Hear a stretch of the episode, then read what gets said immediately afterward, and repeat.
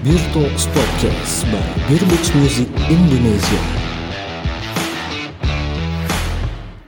Assalamualaikum warahmatullahi wabarakatuh Selamat pagi, siang, sore, dan malam Sobat Beerbox di mana pun kalian berada So, masih bersama Afif Kok masih bersama Afif? Kayaknya gue baru pertama kali deh ngonten di Beer Talks Podcast. Jadi mengingat kembali teman-teman bahwa Beer Talks Podcast ini adalah salah satu konten yang tersedia di Spotify. Uh, Yang juga ini adalah salah satu konten yang dimiliki oleh Beerbox Music Indonesia tentunya.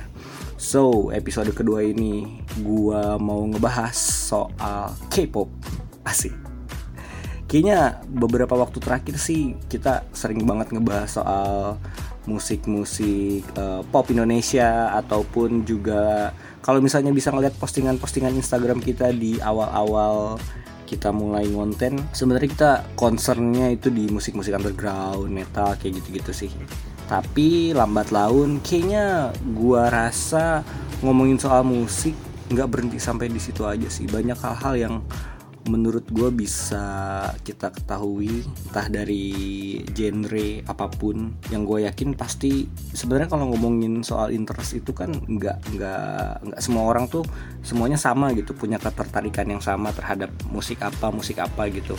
Nah tapi kayaknya untuk kali ini gue cukup tertarik ngebahas soal K-pop. Entah kenapa sih kalau ngomongin K-pop kan kalau misalnya di di di Korea ini kan lebih banyaknya musisi atau artis atau idol sekalipun ya e, mereka debut dalam format boy group atau girl group. Tapi ada juga sih beberapa yang e, dalam bentuk format band gitu ya. Kayak misalnya kalau dulu zaman gua SMA itu ada si Andrew, ada FT Island, Nah, atau mungkin kalau misalnya yang di generasi sekarang nih, pasti generasi sekarang. Maksudnya yang yang yang agak baru-baru ini ya. Enggak baru juga sih sebenarnya di tahun 2015 apa 16 ya gue lupa debutnya itu ada Day6. Uh, kalau di tahun 2021 ini ada adanya Day6 itu ada Extraordinary Heroes. Nah, baik lagi kita ngomongin soal K-pop di awali dengan kayaknya asik buat ngebahas girl group kali ya. Nah, kalau misalnya ngomongin soal girl group, gua ini ada nggak banyak sih sebenarnya. Ada beberapa yang mau gua bahas sedikit Beer Talks episode 2 kali ini karena lagi ngomongin K-pop ya. Jadi kemungkinan konten yang ada di episode 2 ini akan lebih banyak ngebahas uh, soal K-pop. Nah langsung aja jadi yang pertama kalau misalnya ngomongin soal girl group menurut gua nggak nggak cuma girl group ya atau nggak boy group. Uh, cuma ini karena gue mau ngebahas girl group. Jadi kalau di Korea itu visual menurut gue udah pasti ya gitu. Maksudnya dari segi physically ya cantik ataupun ganteng menurut menurut menurut gue itu udah jadi salah satu kewajiban atau jadi salah satu uh, apa ya hal penting yang harus dimiliki oleh para idol atau artis-artis di di oh, di K-pop. Di Korea. Di Korea Selatan ya tentunya ya. Nah uh, tapi nggak berhenti sampai di situ sih. Maksudnya selayaknya musisi-musisi pada umumnya ya pasti skill menyanyi itu udah pasti gitu kan. Ditambah sih karena mereka formatnya ini adalah boy group ataupun girl group jadi mereka dituntut untuk uh, mahir dalam menari gitu kan kalau misalnya teman-teman pernah lihat kayak kalau misalnya zaman dulu tuh girl group ada apa ya? Ada SNSD ada 21 gue rasa uh, mereka adalah satu dari sekian idol group K-pop yang keren gitu kan. Nggak uh, sebatas karena punya paras yang cantik ataupun kalau boy group tampan gitu.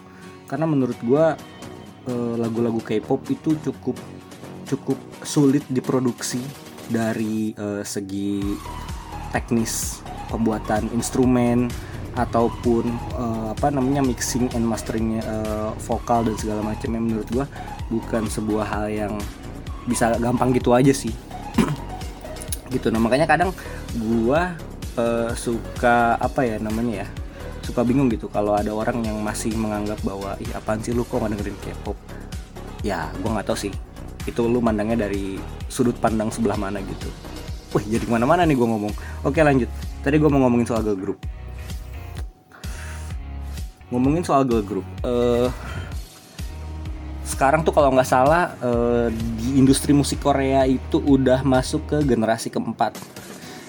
Generasi keempat ini dimulai dari tahun 2018 sampai sekarang gitu ya. Jadi masih belum pergantian generasi lagi.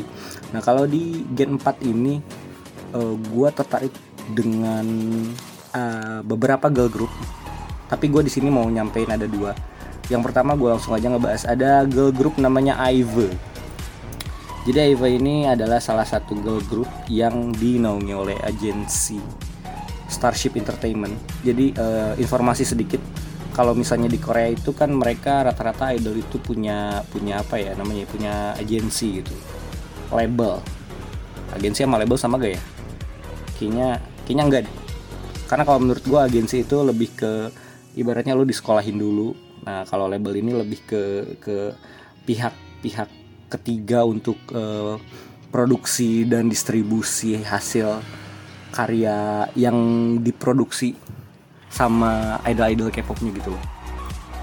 Nah jadi si Ive ini debut di tanggal 9 November 2021 dengan split single yang pertama itu jadi split single itu apa ya kayak lu rilis single tapi ada dua gitu.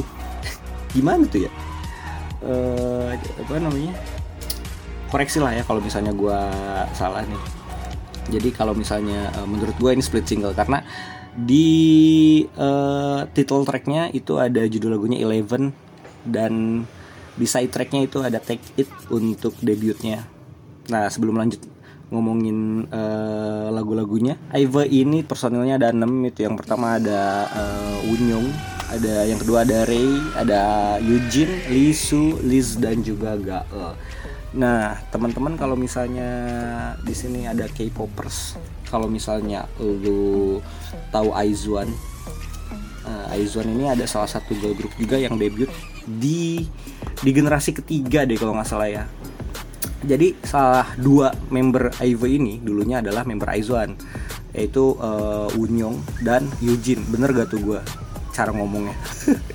Nah jadi dua member ini sebelumnya udah pernah debut di Aizuan dan setelah kontrak Aizuan selesai dengan uh, agensinya kemudian mereka redebut dengan Ive ini gitu. Ditambah dengan tadi kan dua orang ada empat orang berarti ada empat orang member baru yang memang mereka baru debut sebagai idol K-pop.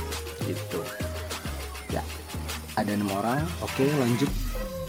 Tadi debut singlenya eh sorry debut split singlenya itu ada Eleven dan Take It. Dan kemudian di tanggal 5 April 2022 kemarin uh, Ive juga telah melaksanakan comeback stage dengan split single juga yaitu uh, Love Dive dan Royal. Kalau gue pribadi sih gue gue nggak tahu kenapa ya gue lebih seneng lagu yang Royal alias uh, side track gitu. Title tracknya bagus yang Love Dive. Uh, cuma kan ya balik lagi ke lu suka lagu apa, uh, suka lagu dengan uh, bukan genre ya, lagu dengan model seperti apa. Nah gue ngerasa gue kayaknya kuping gue lebih nyaman masuk lagu yang royal gitu walaupun Love Dive juga sering gue dengerin sih asik asik asik banget lagunya. Nah oke lanjut di yang kedua. Di yang kedua gue bakar rokok lah bentar. Bentar sebelum lanjut ini by the way gue kan nge-podcast sendiri ya monolog. Ya kalau kaku sorry ya. Nggak uh, kebiasa gue podcast sendiri sebenarnya gitu. Biasanya kan gue ditemenin ada siapa lah gitu. Kalau ngobrol duaan kan tektokannya enak ya.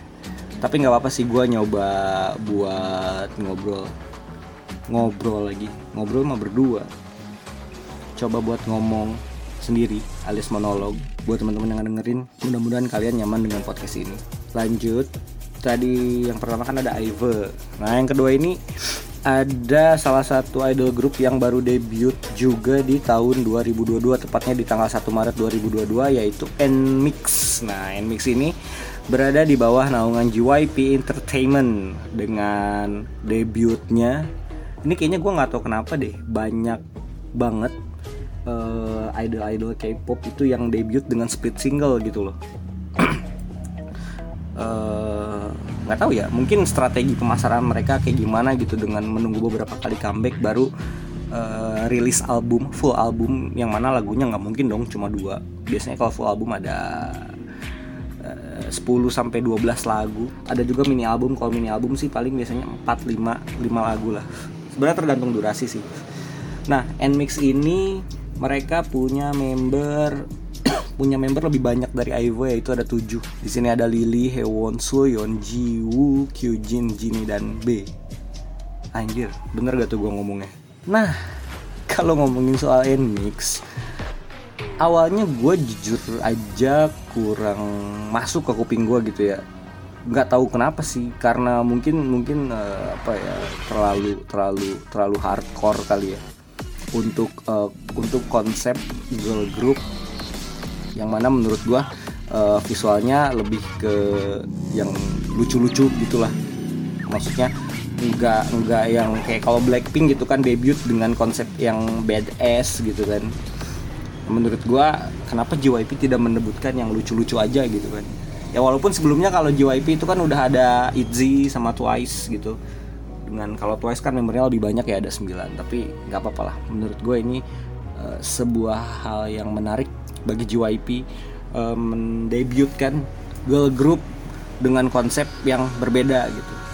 Tapi setelah beberapa kali gue ngedengerin gue kayak oh tapi lagunya asik juga sih sebenarnya. Jadi jadi bukan gua nggak suka gitu ya. Lebih ke gue butuh proses.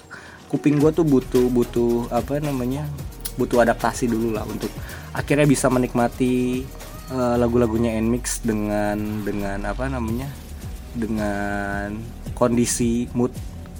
Kondisi mood anjing lebay banget gue dengan kondisi kuping gue yang bisa lebih lebih ini aja sih lebih nyantai gitu nerimanya.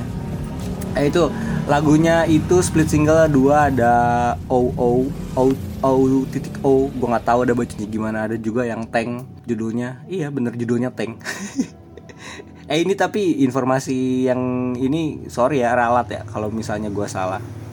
Menurut gue lagunya asik-asik karena salah satunya nih gue gue tuh di Nmix ini ada ada salah satu personil yang cukup jadi cukup terhighlight sama gue itu ada Lily. Uh, jadi uh, si Lily ini vokal vokalnya apa ya? Apa ya unik aja sih gitu. Dia sebagai ini gue nggak tahu nih lead lead vokal atau main vokal gitu. Karena kalau misalnya di di apa namanya di K-pop itu ada banyak posisi gitu. Kalau misalnya lu kan anak band nih misalnya kan. Kalau anak band lo ngeband ya udah jelas lah posisi vokalis, basis, gitaris, drummer dan segala macamnya gitu kan. Nah kalau misalnya di format idol group itu kan lo ada rapper, ada main dancer lah, lead dancer lah, gue nggak tahu deh ngebedainnya kayak gimana. Kayak gitu sih.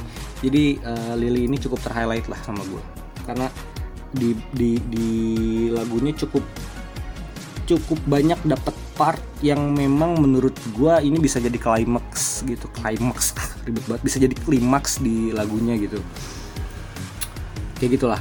Jadi uh, lu lu pada bisa langsung dengerin aja di di semua platform musik digital lagunya Nmix gitu. Kalau lu bingung lu tulis aja N M I double X. Kayak gitu. Lanjut. Ini tadi kan kita habis ngomongin girl group. Gua sekarang mau ngomongin boy group tapi bukan gimana ya boy group tapi bukan boy band. Bingung gue ngebedainnya. Ya jadi pokoknya ada sebuah grup Korea tapi formatnya band. Ya udahlah kita sebut aja band lah band Korea gitu. Band Korea yang juga ini debut di bawah naungan JYP Entertainment yang kalau misalnya tadi di awal uh, lu dengerin dari awal itu gue sempet ngebahas soal Extraordinary Heroes. Jadi Extraordinary Heroes ini adalah salah satu uh, band Korea yang menurut gue cukup apa ya cukup jadi hal yang menarik aja gitu maksudnya uh, di di di Korea. Uh, ada band yang memang biasanya kan kalau misalnya di Korea itu kan kalau yang major label gitu ya. Anjing major label. Uh, maksudnya di industri mainstreamnya jarang banget gue ngedengerin ada band yang debut di bawah naungan agensi yang cukup besar gitu. Tapi kalau misalnya lu cari band-band independen di Korea itu ya banyak sih gitu kayak di Indonesia. Cuma mungkin ada beberapa yang memang uh, apa namanya gue nggak bilang gak terkenal cuma memang kadang kitanya aja yang wawasannya kurang gitu kan. Kalau misalnya ya di tahun-tahun lama itu kan ada CN Blue ada FT Island. Nah dua band ini atau gue bentar minum dulu.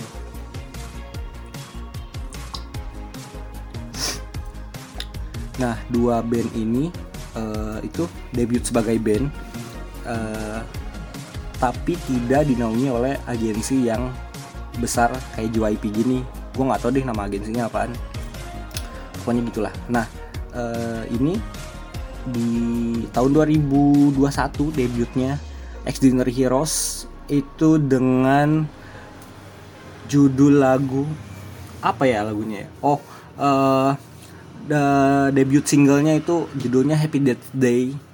Happy Death Day. Ya, kayak gitulah. Nah, ngomongin soal band di JYP ini Extraordinary Heroes ini bukan satu-satunya band yang pernah didebutin sama JYP jadi sebelumnya juga ada Day6 yang mungkin nanti di next podcast atau uh, episode keberapa lah gitu. Gue bakal bahas lebih jauh soal Day6 karena by the way gue kalau Day6 nih cukup ngikutin ya. Uh, jadi nanti bakal gue bahas lah. Nah terus ngomongin soal Extraordinary Heroes ini membernya ada 6 namanya siapa aja ya gue agak susah eh nyebutin namanya. Kalau nggak salah tuh uh, ada iya ada 6 itu personilnya ada Jungsu, Gaon, Ode, Juyon, Gunil sama Junhan. Lagi-lagi gue minta maaf ya kalau misalnya gue ngomongnya salah nih. Ada belibet gue nyebutin nama-nama orang Korea. Kayak gitu. Nah uh, debutnya ya tadi udah gue sebutin tanggal uh, 6 Juni 2021 eh udah gue sebutin belum ya? Sorry sorry sorry gue lupa. Nah terus mereka juga by the way baru aja comeback di tanggal berapa ya kemarin tuh? Pokoknya baru comeback lah. Itu gue nggak tahu tanggalnya tapi nah di comebacknya sekarang ini gue cukup suka sama lagu-lagunya gitu loh.